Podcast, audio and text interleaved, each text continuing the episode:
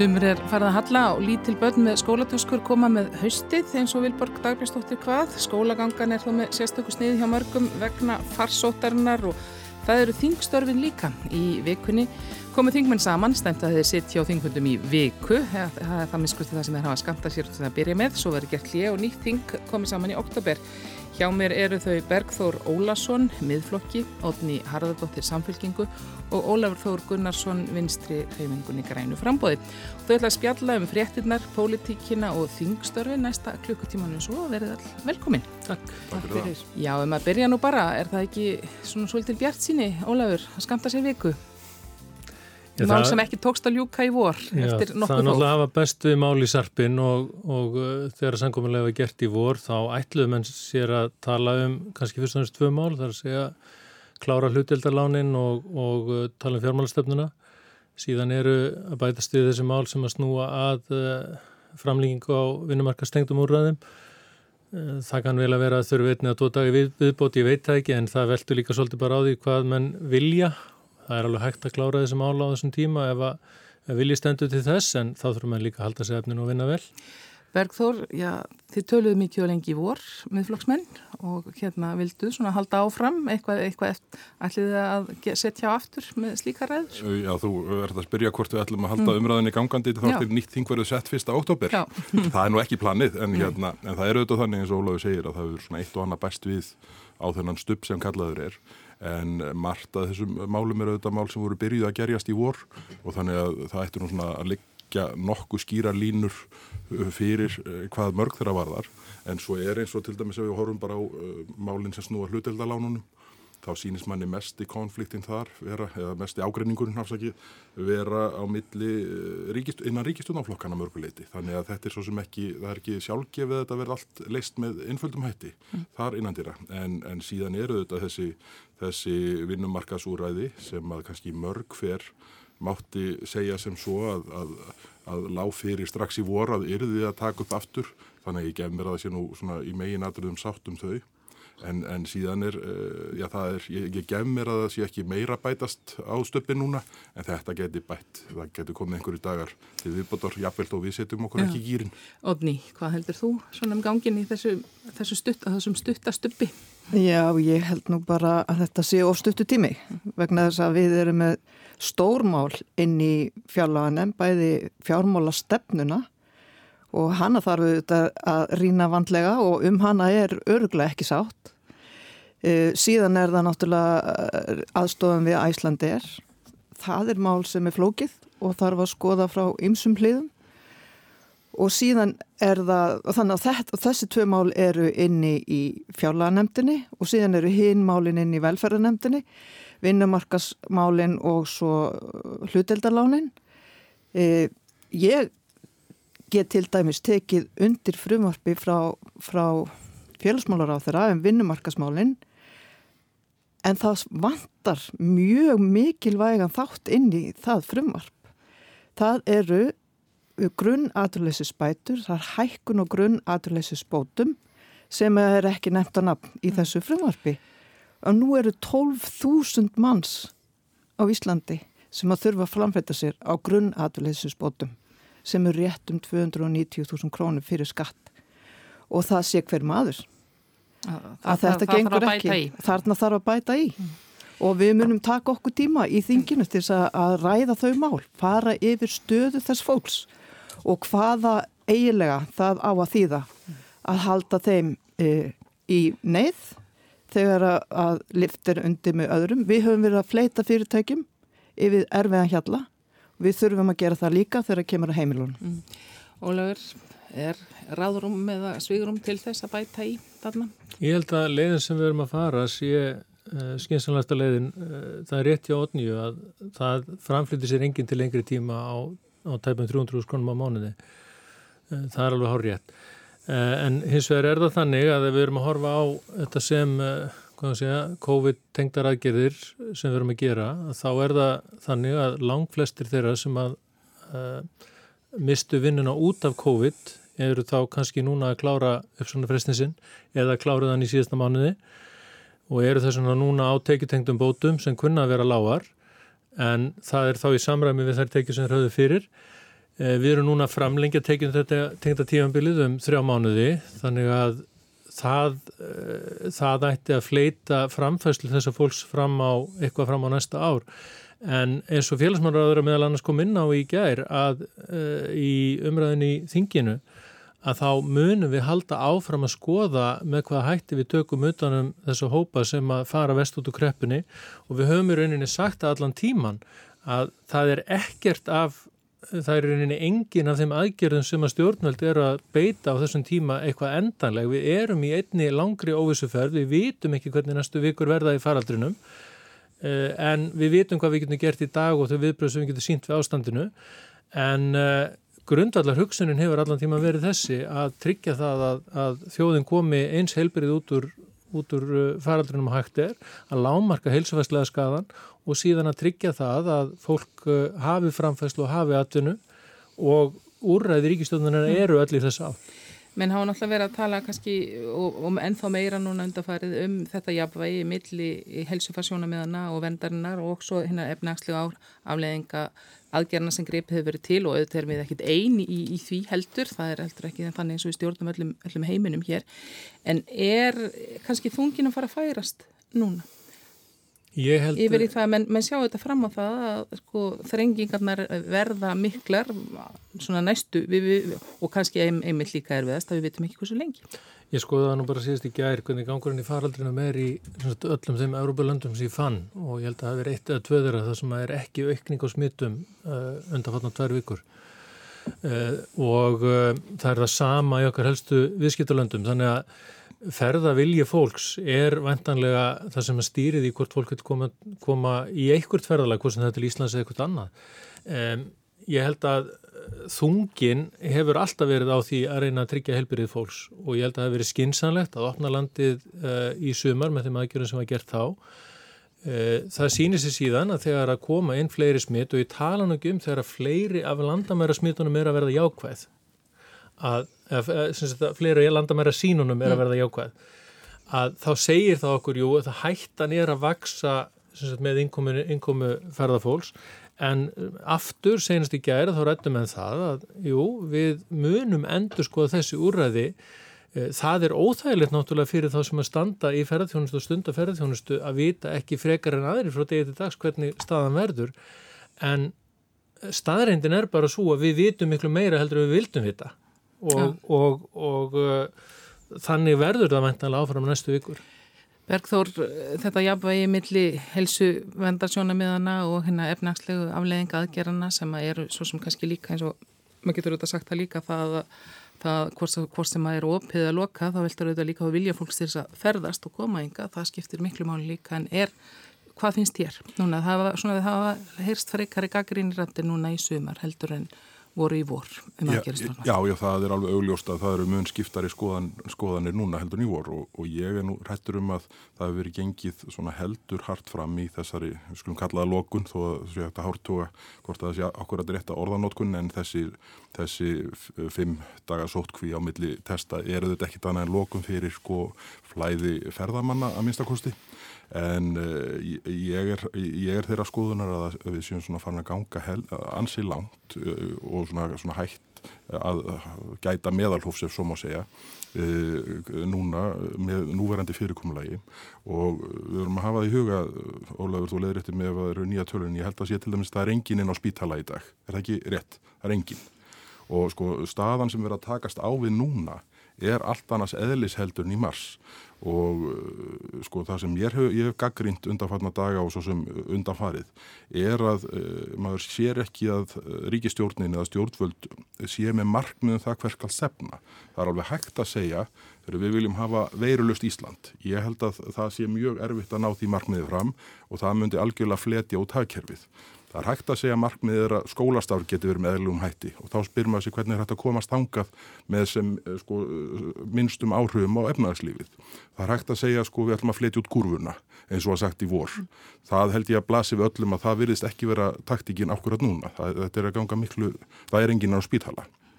Þannig að það einhver staðar hann á milli er einhvert, uh, einhver uh, hlítur af einhver punktur sem stjórnvöld er að stefna á. Við höfum ekki fengið að vita hver hann er og ég er ekki alveg vissum að, að ríkistjórnin vitið að sjálf í augnablikinu en til þess að sko svona það sé hægt að eh, bregðast við og fyrirtæki og heimili geti skipulagt sig með forsvaranlegum hætti og bröðist við, þá verða menn að geta sagt, herru, við ætlum að komast þarna á þennan stað með samfélagið til þess þurfum við að gera þetta og þetta og þetta og þegar þessi árangur næst, næst þá munum við gera þetta mm. til þess að til dæmis losa, losa um. En er það ekki það sem er verið að gera? Það er nú verið að endur með aðgerðir og tvekja vikna fresti og að tala um það nú aðspurð, sagði fórsætsráður í gær að þetta, við erum alltaf að skoða þetta, þetta verður skoða aftur núna bara næst í vikunni. Sko. Já, það eru þetta, sko, við sjáum bara viðbröð uh, flugfélagana, þessar erlendu sem að í rauninni slögtu á, ef svo má segja, gagvart Íslandins þið mögulega gáttu þegar síðast ákvörðinu tekin. Það er þessi fyrirsjánleiki sem að er svo mikilvægur, sem að uh, mér sínist stjórnvöld ekki vera að leggja miklu áherslu á og ég held að það sé mjög miður. Ótni, þessu tengdi eru þetta afdrif æslandir sem var mikið rættum á, á þingi í gær og, og það er þetta, það er félagi er þetta í, í þeirri stöðu að það hefur bara nánast þorrið að bara horfið eftir spurnin að mestu leiti eins og hjá öllum félagfélagum reyndar sko. en hvað, hvað finnst þér í því máli? Þegar að liðka til var á landamærunum í júni, þá var hugmyndin svo að, ferðarmenn gætu komið hinga til landsins og, og, og flugi svona tæki við sér en að við myndum gæta sóttverðnum með leið. Og það tóst ekki.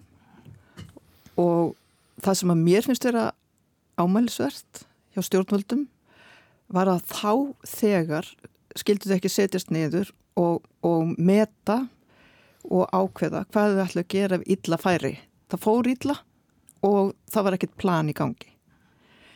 Ég, þegar við erum að, að horfa á, á þessu stöðu sem við erum í núna, þurfum við að velta fyrir okkur eigum við að, að, að hérna, takmarka á landamærunum eins og við erum að gera núna og reyna að skapa svona aðstæði fyrir eðlilegt líf fólks hér innanlands eða, eða eigum við að að opna meira. Og þá eru við aftur að taka áhættum að veiran að taki sig hér upp og fara á stað. Og þá eru við hvað sem er komin á rauðan lista.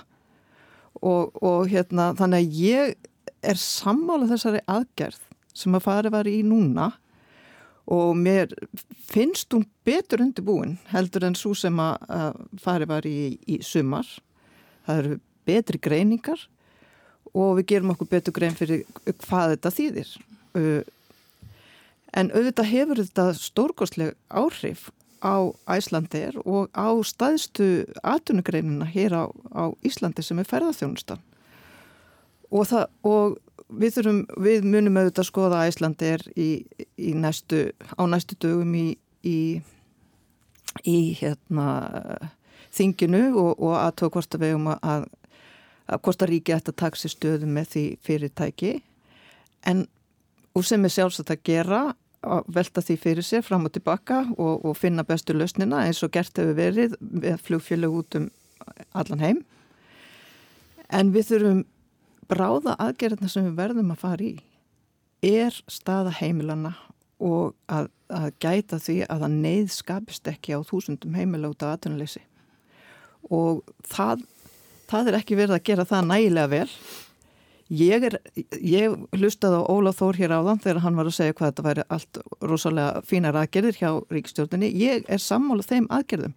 Vandin er bara sá að þeir sem að vestanda eru skildir eftir og þeir eru 12.000, það voru 12.000 manns að fá þessar uh, grunnaðlulisbætur í águst og það bara er skilda stjórnmálumálna að við þessar aðstæður að koma í veg fyrir að hér verði neyð og skapist neyð og fátækt á þúsundum heimila og ég hjartaði mér slæðir rætt þegar ég tala um þessi mál vegna þess að mínum heimasæði er grav alvarlegt ástand. Mm.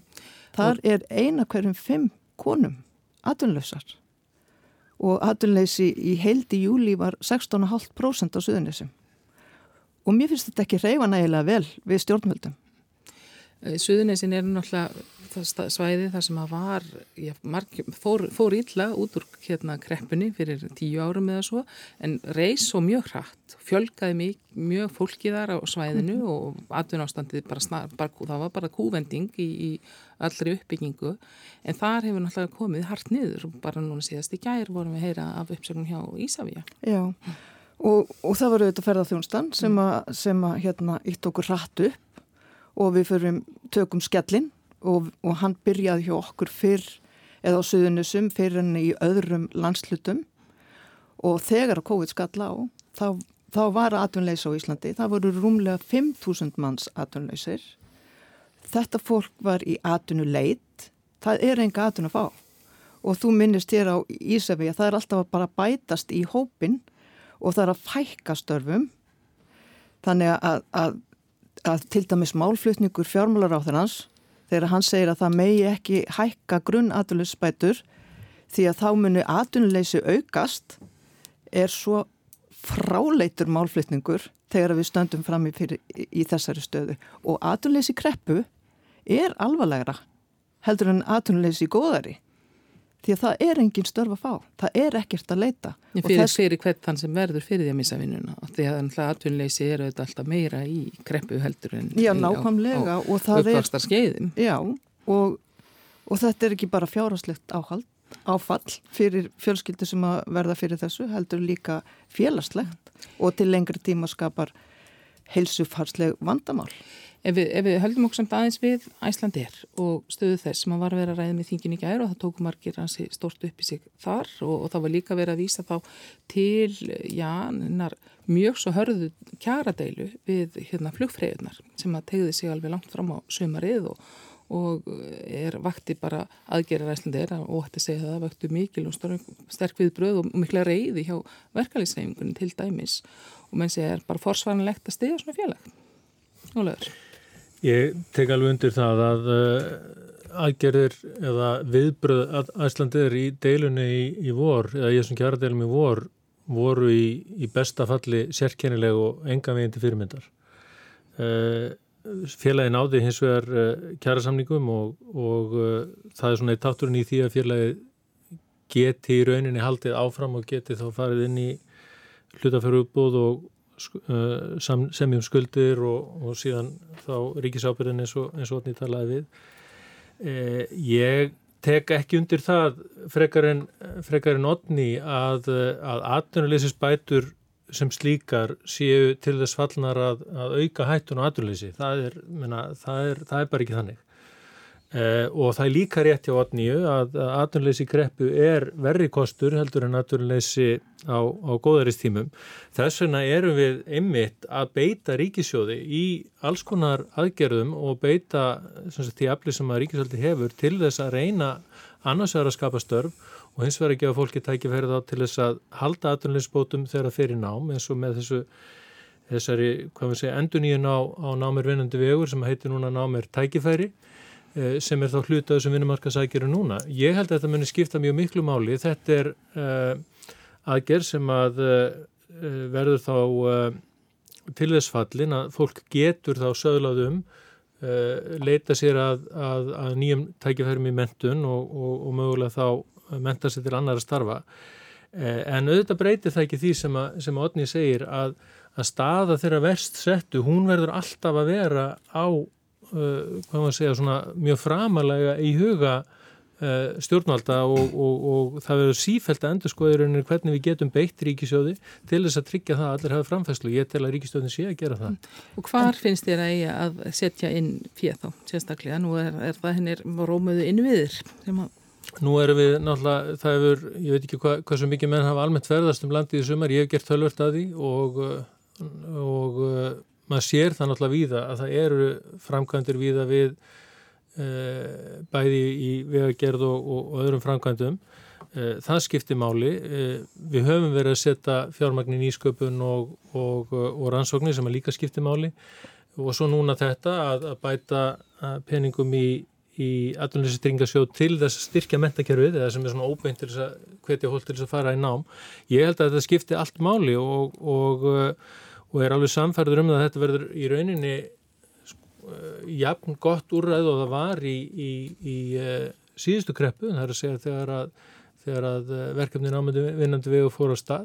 Mér að síðan má nefna svona minni þætti eins og, eins og til að mynda uh, fulla endurgreyslu og virðskatti á framkvæmdum og, og svo frammeðis minna það skapar líka störf og kveitur fólk til þess að fara í framkvæmdur og ég veit ekki hvort það fær í bingaður og veslanir í sumar, ég hef gert svolítið af því og uh, það er mjög mikið að gera og þeir sem að rekka þess að veslanir segja að uh, fólk sé að, að taka við sér, að Eh, enda, enda má kannski ætla að þessir, hvað eru það átni, er það ekki 200 miljardar sem að fólk eitti á kreditukortunum sem ellendis eh, á síðasta eða þar síðasta ári það má ætla að þessi peningamuna einhverju leiti skila sér inn í hækjir og Íslandi núna þegar fólk er ekki að ferðast. En er ekki svona, það, það er alveg ljóst að veturinn framöndan verður harður. Ég minna það hefur verið ferðarþjónustan hefur náttúrulega það, það kom inn svona tölverð inspýtinga og bara Íslandingar ferðust mikið um, um landið sitt í sumar en, en þær ferðir mun til tegja sig fram á veturinn sko, og veturinn hefur verið náttúrulega, það er búið að lengja tímabilið blessunarlega í ferðarþjónustinni en, en en menn vita það líka alveg eða horfa bara raunsæðis augum á það það er ekkert að fara að gera svona í vetur bergþur. Ég hef nú kallað þetta svikalokn sem við erum í, búin að vera í núna gegnum voruð og sumarið og, og ég er hættur um að uh, höggi verði þungt núna uh, í, þegar við förum inn í höstið. Við erum að tala um það að þessi stóru hópar sem væru að uh, stemdi að vera dett á strípaðar atvinnileysi spætur núna uh, fyrsta, fyrsta oktober, fyrsta november verða dett inn á þær fyrsta janúar, fyrsta februar eitthvað svo liðis. Það verður mjög snúin stað á þá og á sama tíma erum við að horfa á, á þá stöðu að því að þetta, ástæð, þetta byrjaði einhverju marki fyrr. Að það er á annað hundra manns á mánuði sem eru núna næstu sex mánuðina að detta út af atvinnuleysisbótum sem eru þá búin að fullnýta sko 30 mánuða rammansinn og ef það var erfitt fyrir þennan hópa að fá vinnu undanfannin tvö ár sko þá er það hérna enn snúnara núna og, og, og það er auðvitað eins og þau sögðu hér bæði á þann að það, það framfleiti sér enginn til lengri tíma á 290 krónum á mánuði.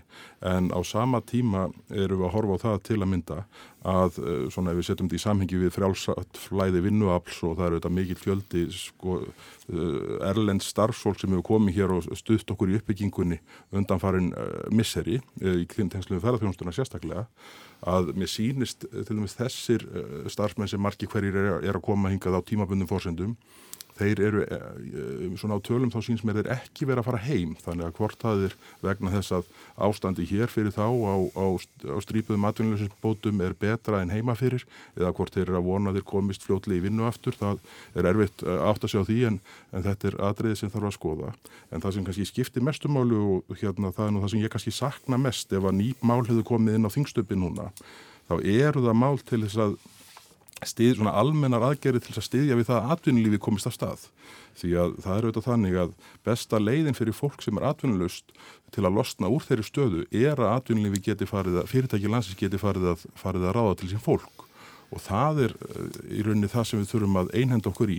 Ég er, ég er hættur um, hérna við vorum, uh, ég, Helga Vala Helgadóttir og Kolbjörn Óttarsson Proppi í Kastljósi núna um miða vikuna og þar uh, hérna sagði Kolbeinn Óttarsson proppið hróðuðu frá því að nú ætti að fara vinstri leiðina út úr þessari kreppu.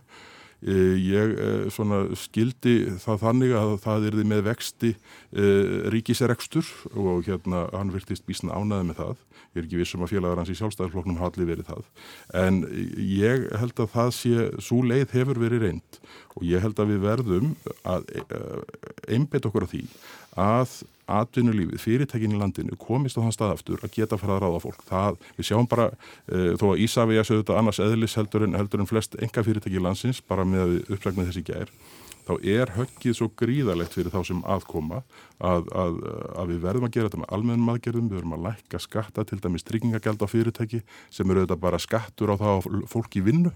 Uh, það eru, sko, þetta við hefum talað um bákni burt í miðfloknum, það, það þarf að einfalda kerfið, við erum að horfa á það að, að það er verið, nú er uh, komin að stað mjög góð vinna, ég held, varðandi stafrænt Ísland, það sem mun gera, gera fólki kleift að uh, svona, eiga fleiri erindi við ofinbera raf rafrænt heldur en áður sem mun auðvitað líka bæta aðgengi landsbyðarnar að þjónustu sem að sparar ferðir og annað slíkt þannig en við þurfum, eh, sko, eh, punkturinn hjá mér sá, við þurfum að gera greinamun á milli rekstur sinns ofinbera og fjárfestingar hins ofinbera og ég held við þurfum að bæta í hvað fjárfestinguna varðar en við þurfum að velta hverju krónu uh, þegar gemur að reksturinn. En, en er ekki, sko, þú talar um það, það þarf að bæta í fjárfestingarnar en þá þarf náttúrulega að fá peninga inn og á samdráttatímum þegar skatt ekki lækka þá er kannski erfitt fyrir ríkisjóða að lækka skattana frekar.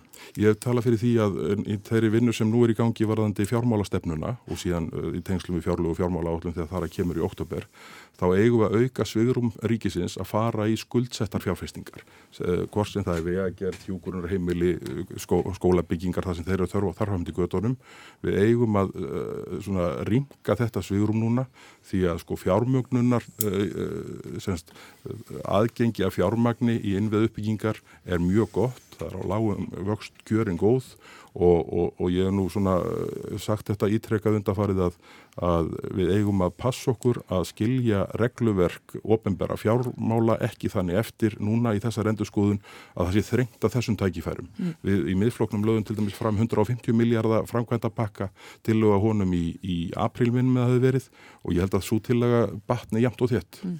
Odni, þú hefur verið þeirri stöðu að þurfa að finna til krónurnar í, í kassan. Hvað heldur þú að hérna, er hægt, er svigurum til að læka skattanum? áður en ég svara þessu mm. þá vil ég bara út af orðum e, Bergþós segja að á Íslandi eru aturleysisbætur áunin réttindi launafólks til þess að tryggja afkomi öryggi við atunumissi sem betur fer er þessi réttur ekki skilirtur eftir ríkisfangi eða eftir kyni eða eftir öðrum uh, grítiríum svo það sé sagt hér En það var ég ekki að segja það Nei, það er ástæðulegst að, að draga fram sérstakann hóp sem er í vanda. Þetta er fólk sem hefur býr á Íslandi og, og hefur áhenni sér réttindi hér. Hópurinn er vissulega blandaðar. Mm. En uh, varðandi stöðu ríkisjós og auðvitað og eðlilega lítum við til uh, síðustu kreppu sem var allt annars eðlis heldur en, heldur en þessi kreppa sem er vegna heimsfaraldurs. Og þá vor, var uh, ríkisjóður uh, mjög skuldugur og Sæðlabankin tæknilega gæltróta við, við, og það bara sjálfstæði þjóðarinnar var bara í hættu út á skuldsetningu og ástandinu sem hér var núna eigum við að skuldsetja okkur til þess að, að reyna svona að, að lámarka skadan og, og passa niðursveiflan verði ekki eins svakaleg og hún gæti orðið ef að ríkið myndi ekki spila likil hlutverk. Ríkið verður að spila likil hlutverk til þess að mýkja aðeins ástandið og við eigum að taka lán á þessum tíma sem að við getum núna fengið á mun betri kjörum heldur en eh, 2008-2009 þegar enginn vildi lán okkur og við vorum upp á alþjóða gældriðsjóðin kominn. Þannig að þetta er allt önnu staða og við hefum uh, að skuldsetja okkur meira fyrir uh, innviða uppbyggingu, fyrir, fyrir verkefnum sem við munum þurfa að fara í og, og mun spara okkur til lengri tíma litið. Það er, til, það er að taka á alls konar umhverfisverkefnum, innviða uppbyggingu til þess að auðvilda okkur að, að takast á við lofslagsvána en við þurfum líka að efla mentakerfið og nýsköpununa og mentakerfið og nýsköpunin er einhvern veginn svona samofinn og þar þarf ríkið að setja peninga og er að gera en það þarf að gera betur.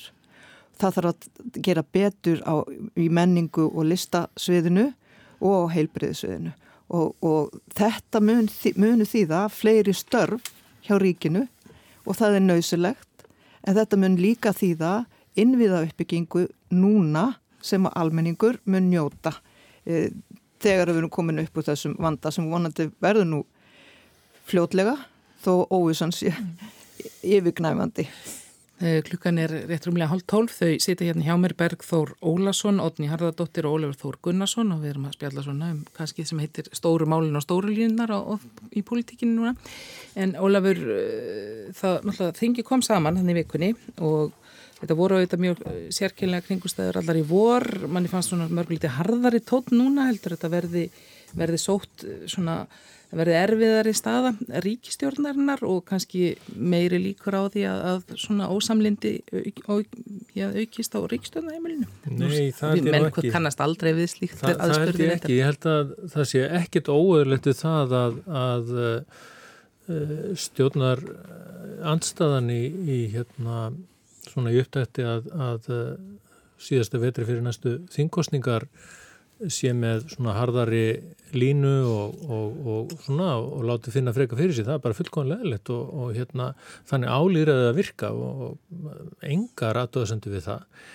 Eh, ég held að eh, þetta verði að því leiti til, þetta verður kannski óvinnilegu kostningavettur að því leiti til að, að, að minnstakosti framan á honum eru að glýma við mjög sérkennilegar aðstæður held ég að sé, sé óvært að segja við auðvitað vonum eins og, eins og Otni saði að það standi sem stist þar að segja að, að, að það finnist lausnir sem, að, sem við getum sem við getum svona búið við og, og í því sambandi kannski er mitt rétt að benda á það að Íslensk stjórnvöld og Íslenska helbiðskerfið er búið að tryggja sér aðganga þeim bólefnum sem að vantalega munu komast á markað uh, hvenar svo sem það verður, bjarsinu menn segja í kringum áramótin. Uh, Ég hef stundur sagt það að það mér þægilóvart að það kemur bólefnum áramótin. eh, en á, á sama hátt á er ég mjög hissa eða er ekki komið áramótin 21 eða þessi 21-22 en, en, hvað sem því líður og þá varum þetta með sko með veturinn og, og, og fjárfæstingar og annað.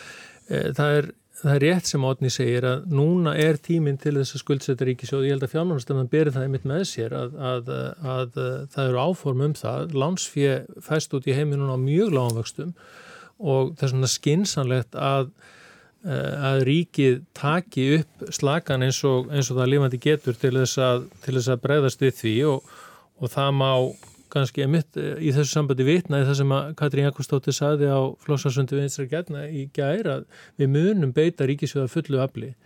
Eh, svo vitna sér beint í hana til þess að, til þess að reyna að spórna við vestu áhrifum kreppunar og það er verið að gera, það er verið að bæta í, í innveða fjárhustingar og, og, og því verður haldið áfram.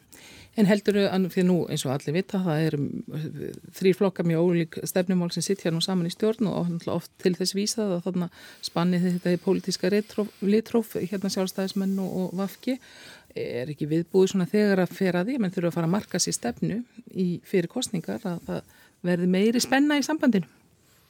Það kann vel að vera að, að flokkarnir leggja fram mismunandi áherslur í aðdraðandi kostninga, ég menna skára að verða nú, þetta eru flokkar sem sett á sikkurum væng og miðjunni.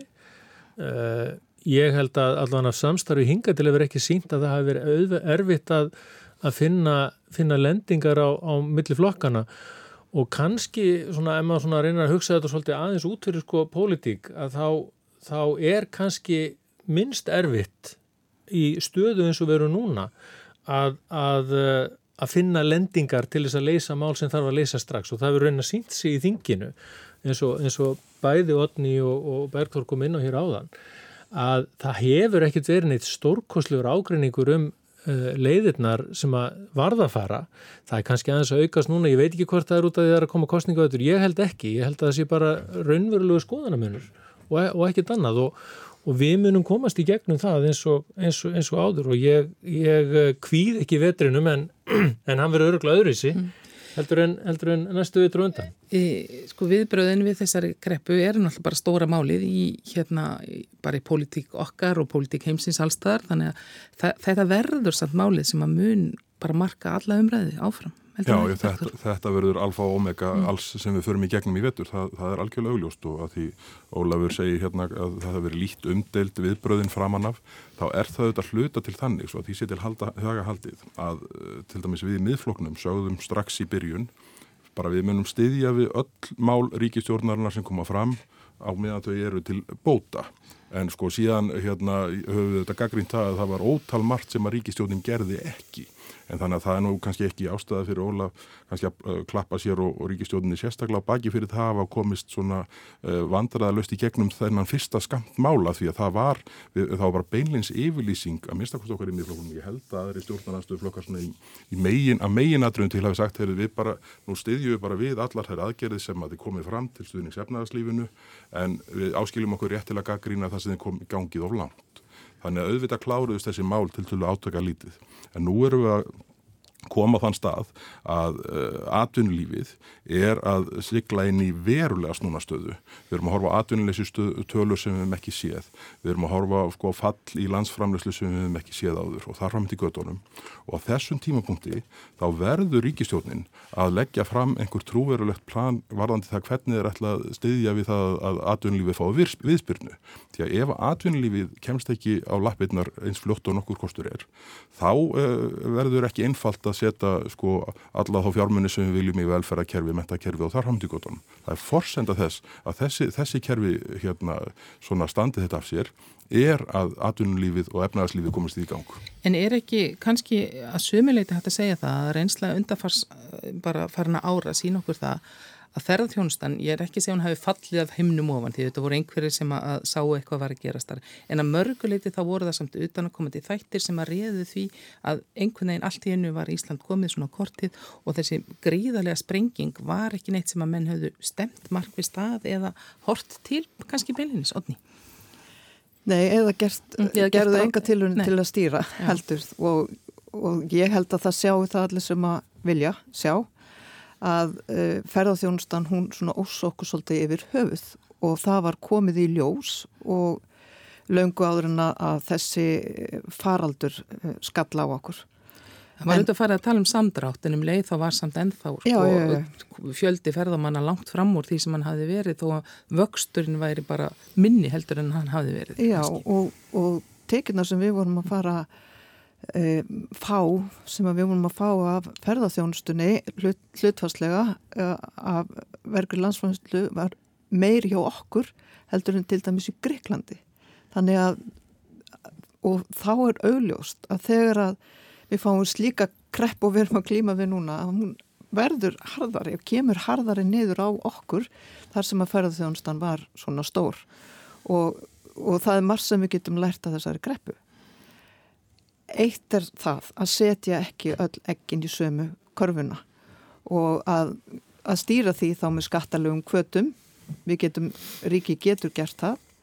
Uh, hvað, hvaða ferðarþjónustu vaksa íta undir fleiri hvað, hvaða hérna, fyrirtæki vaksa og hvaða greinar vaksa og íta undir fleiri svið þannig að, að við setjum ekki allt okkar bara á eina atvinnugrein. Það er ekki sangvært gagvart almenningi, ekki sangvært gagvart fólkinu sem að vinnur í þeirri grein e eða fyrirtækinu sem, sem að að reyka þau áfram. En nú var það ekki beilinni, já þú segir kannski stefnuleysi, en það var ekki beilinni stefna stjórnvalda. Já, það, en það var samt þannig mm. að ferðarþjónustan bjó við uh, virðsaukaskattskerfi til dæmis, gagvart gistingu sem á jafngóðum kjörum og almenningur, eða þar almenningur borgaði fyrir mat og fyrir, fyrir orku og nöðsynjar. Mm.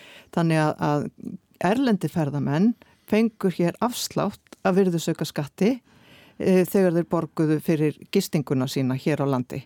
Og það er ein, einn af þeim kvötum sem var, voru inn í kerfunu til þess að fá fleiri til að koma hinga og, en auðvitað er líka bara landið fagurt og og, og við góðu geskjafar og, og allt það sem að, sem að lagðist líka með okkur.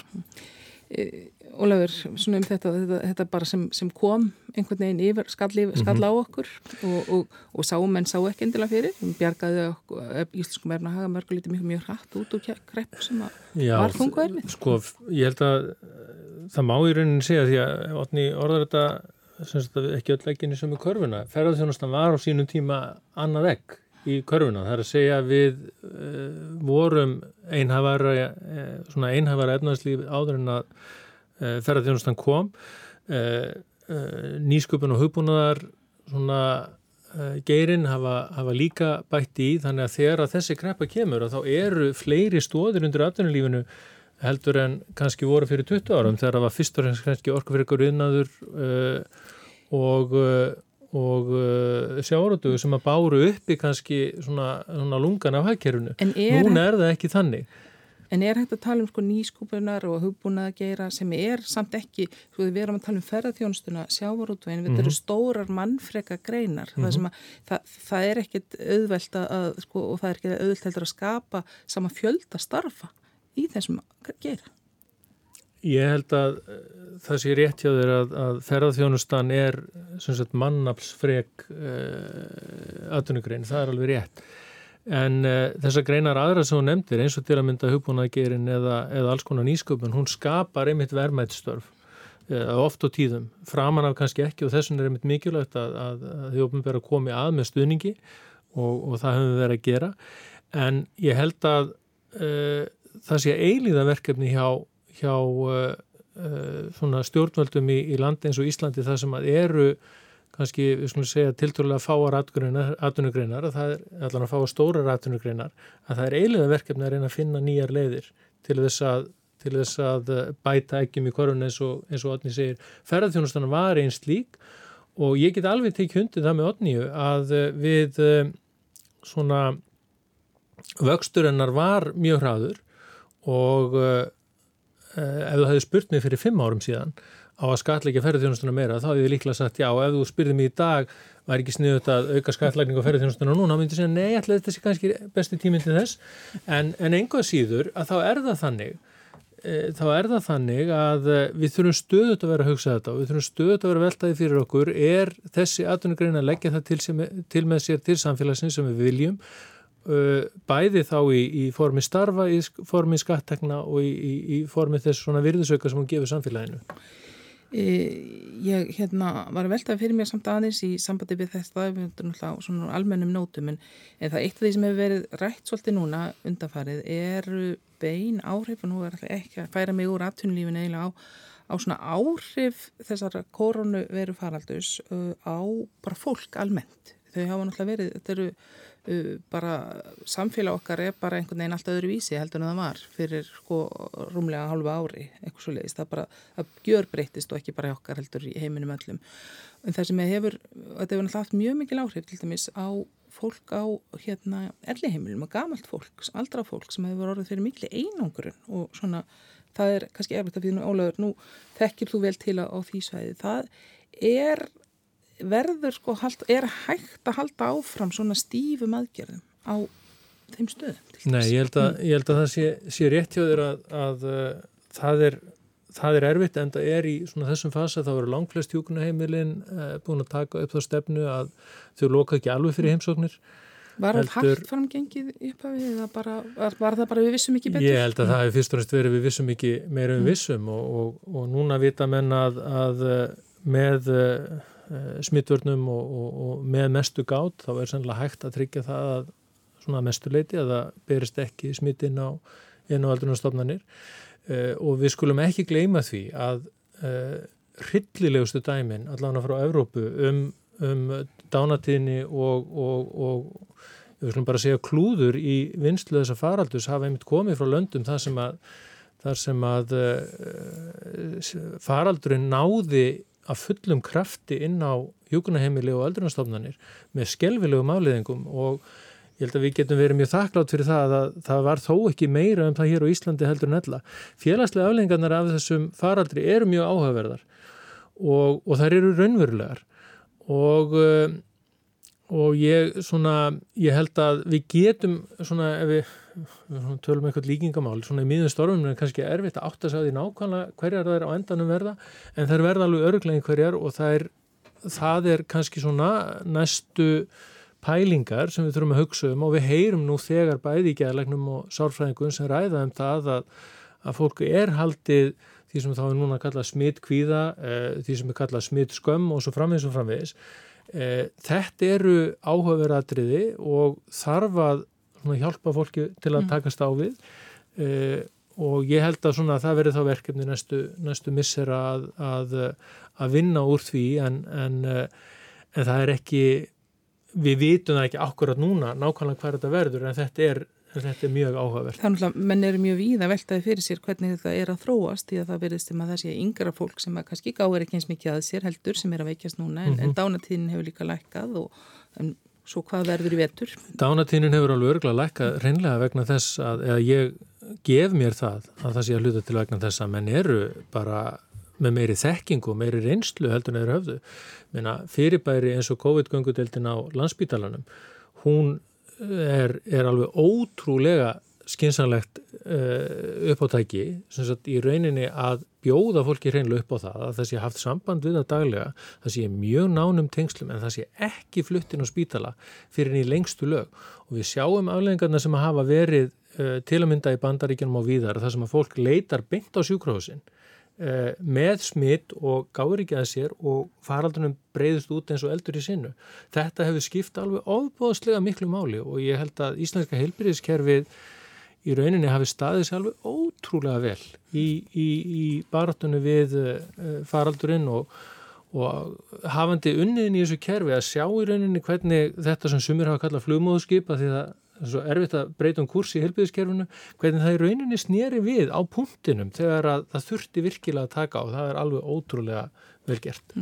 Og því svona félagslegar afleðingar þess að mm. bara á móti, bara hegðun okkar allra, hún hefur breyst hún hefur breyst og, og því miður eru við að sjá fleiri sjálfsvíg og það þarf við að skoða hvernig á því stendur.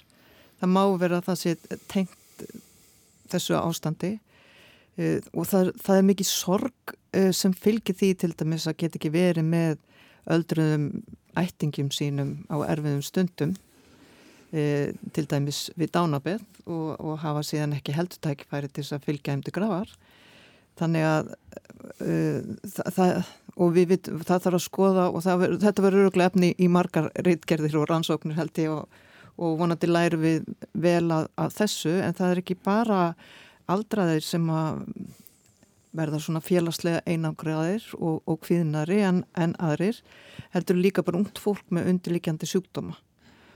Og og maður fer svona uh, líka bara að vanda sig í, í samskiptum og, og ringir frekar en að fara í heimsókn og, og svo framvegis. Og, og þetta er mjög erfitt fyrir fólk með ríka svona knúsþörf þægilegt fyrir okkur hinn sem erum ekki mikið fyrir það. Að en, en það er, er samt ákveðin snerti þörf sem, sem við höfum. Já, margir hafa svona kannski þurft að endur skilgreina það sem heitir svona persónlegt rými. Ég þekki nú ekki marga en, en eina konu þekki sem er um sambiðil svona, já, svona 10 cm millir nefja sem henni finnst þægilegt Já, sko. nákvæmlega, ja, er... þetta þurfum við að, að skoða vel. Og mm. ég vil bara að þessari lótu nefna börnin og það að þurfa að loka skólum og leikskólum er mjög slemt fyrir börn. Ekki, og sérstaklega fyrir börnir sem veika standa. Það hafi ekki allir hérna, aðstóð heima fyrir með námið og, og, og þau verða fyrir vannreikslu og sem hotreika því miður. Og það þarf að gæta alveg sérstaklega að börnum við þessum, þessar aðstæður Bergþór. Já, já, ég held ná að sko, stjórnmálamenn margir upplifi hérna, uppsapnaða handabandstörf eftir undarfanna mánuði og hitta, hitta hérna, fólkið á sínum svæðum og sitt fólk og bara fólkið almennt auðvitað. En ég held að það sé, það er auðvitað annað hægt en að taka undir bara það sem hefur verið sagt hérna í, í þessu samhengi af Ólafi og Otníu en þessu til viðbótar held ég að við verðum líka að hafa í huga sem sagt eftir köstin þegar frá líður hvort sem það er út frá atvinnuleysinu og svona uh, andlu áhrifunum sem langtíma atvinnuleysi kann að hafa hvaða áhrif sko það að eins og það nú stundum kallað að fletja út hagkerfið með of hörðum sótvarnaraðgerðum hvaða áhrif það hefur til dæmis á að halda stuðningskerfum uh, ríkisins gangandi til lengri tíma Þannig að þessir þættir finnst mér enn sem komiður hafa verið allt of lítið rættir. Hvað áttu við, við með því? Bara, bara fjármögnun, mm. heilbriðiskerfisins, fjármögnun, mentakerfisins og þar fram með til gödónum. Að það mun reyna mjög á þetta. Nú er, um, er Ríkisjóða sem betur fyrir þeirri stöðu að hann var lítið skuldsettur að stórun hlutaði til eftir uh, uppgjöru við kröfuhána sem hafði þetta gríðarlega áhrif þar á en Ríkisjóðu var þeirri stöð að geta tekist á við þessa, þessa áskorun sem að þessi faraldur færir okkur fjárhagslega en það breyti því ekki að á endanum komist við einhverjum sko, þólmörkum viðbótar skuldsetningar ríkisjós og þá verðum við að vera komin á þann stað að hagkerfi sé byrja að framlega þau verðmæti sem geti staðið undir stóðkerfunum sem við viljum við hafa hérna. Og við erum ekki komin á þann stað að ræða þetta. Og það er, þannig er eins og ég segi, þannig er undir velferðarkerfið bara í heilsinni, mentakerfið í heilsinni það verður ekki lítið harma kveinið Já, ef, ef að menn alltaf fara hérna, sko, að skera verulega niður í þessum kerfum vegna þess að skattegjur ríkisins verða á allt öðrum stað eftir áriða tvö heldur en sko stefna var eða stemdi í og, og allar áallanum gerður áfyrir. Þannig að þessi áhrif í hérna faraldursins held ég að við verðum að taka mjög alveglega upp núna í þingberjun og alltaf út frá því hvað getum við gert til að koma hagkerfinu sem hraðast að stað aftur til að auka verðmætasköpun og auka þar með skattegjur ríkisjós. Já, það er náttúrulega kannski er það skuldsetningin sem við vorum að tala um hérna áðan og, og svona gera sko. það, gera það kannski ekki til langframa. Við, við gerum en, það í gegnum þetta ferli sem erum í núna en á endanum kemur auðvitað því að við verðum að framlega þau verðmætti sem stand undir kerfin okkar. Mm.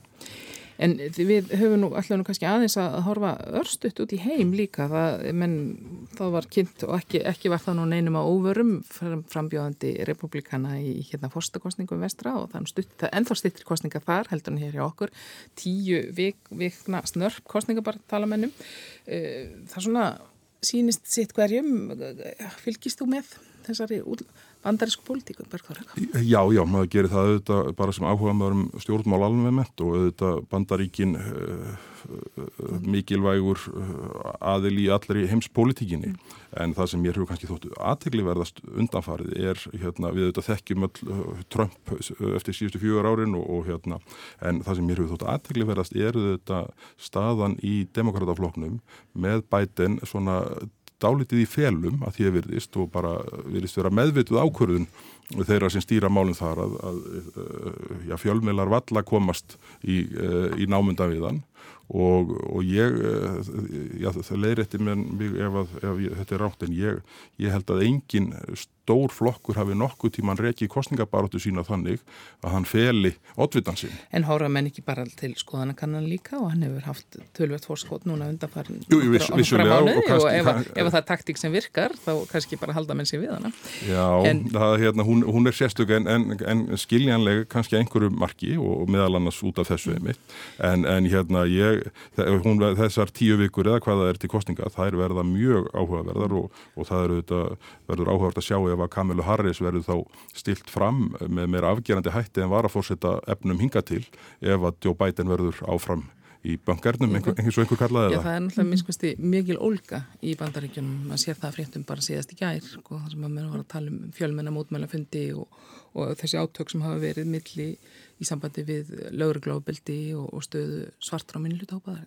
Algjörlega, og en sko, ef við horfum á þess að tvo frambjóðundur Eh, og ég áttum, veit nú ekki hvort hann er í félum, ég er allavega að lesa heilmikið um, um bætin þessa dagana en þá er sem sagt er við með Trump sem að svona, er að etja fólki saman hann er að íta undir svona óanægu og, og óreiðu og held, hann heldur að hann hann hérna græði á því og getur svo bara beitt einhverju laurugluliði á, á, á óerðir og, og síðan bætin sem að mér finnst bara að vera svona vætn kall sem að svona, talar fyrir samhjálp mm. og, og, og þannig að mér finnst einhvern veginn horfandi hérðan frá vestur sko að, að vali hljóta að vera augljóst að, að velja góða kallin en ekki fúla kallin og núna er hann í fílu að því að þeirra landsfundur eða hvað, hvað þetta nú heitir var ekki eins flottur og, og, og demokrata sko og hann er fúllið við því þannig að það er svona minnstu atriði sem að,